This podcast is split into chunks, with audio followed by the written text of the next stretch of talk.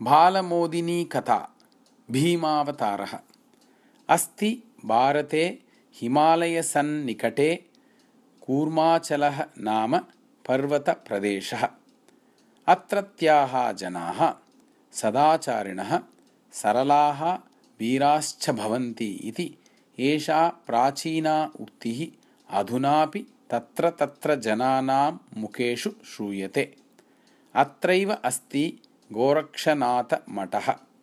ततः अनतिदूरे बोयलनामकः ग्रामः अस्ति। अतैकदा अत्रत्याः बहवः ग्रामीणाः कुम्भस्नानाय प्रयागं प्रति प्रस्थिताः। नासीत् तदानीं बस् रेल् यानादिव्यवस्था अतः एव ते पादाभ्यां चलन्तः प्रयागं प्रति गच्छन्ति स्म। मार्गे बहवः खड्गहस्ताः लुण्टाकाः तेषां समीपम् आगत्य अवदन् भोः भवतां समीपे यद्धनम् अस्ति तत् सर्वम् अस्मभ्यं दातव्यम्। अन्यथा अत्रैव भवतां मरणं सुनिश्चितम् इति।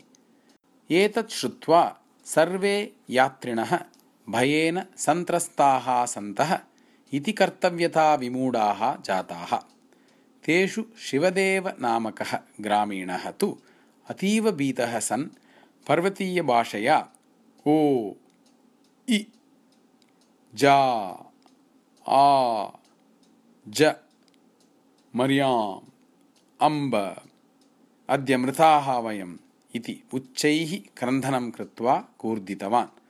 तत् सर्वं दृष्टवतां सर्वेषां लुण्टाकानां मनः भीतिग्रस्तं जातम् भीमकायस्य शिवदेवस्य कूर्दनं क्रन्दनं च दृष्ट्वा लुण्टाकानां प्रमुखः अवदत्।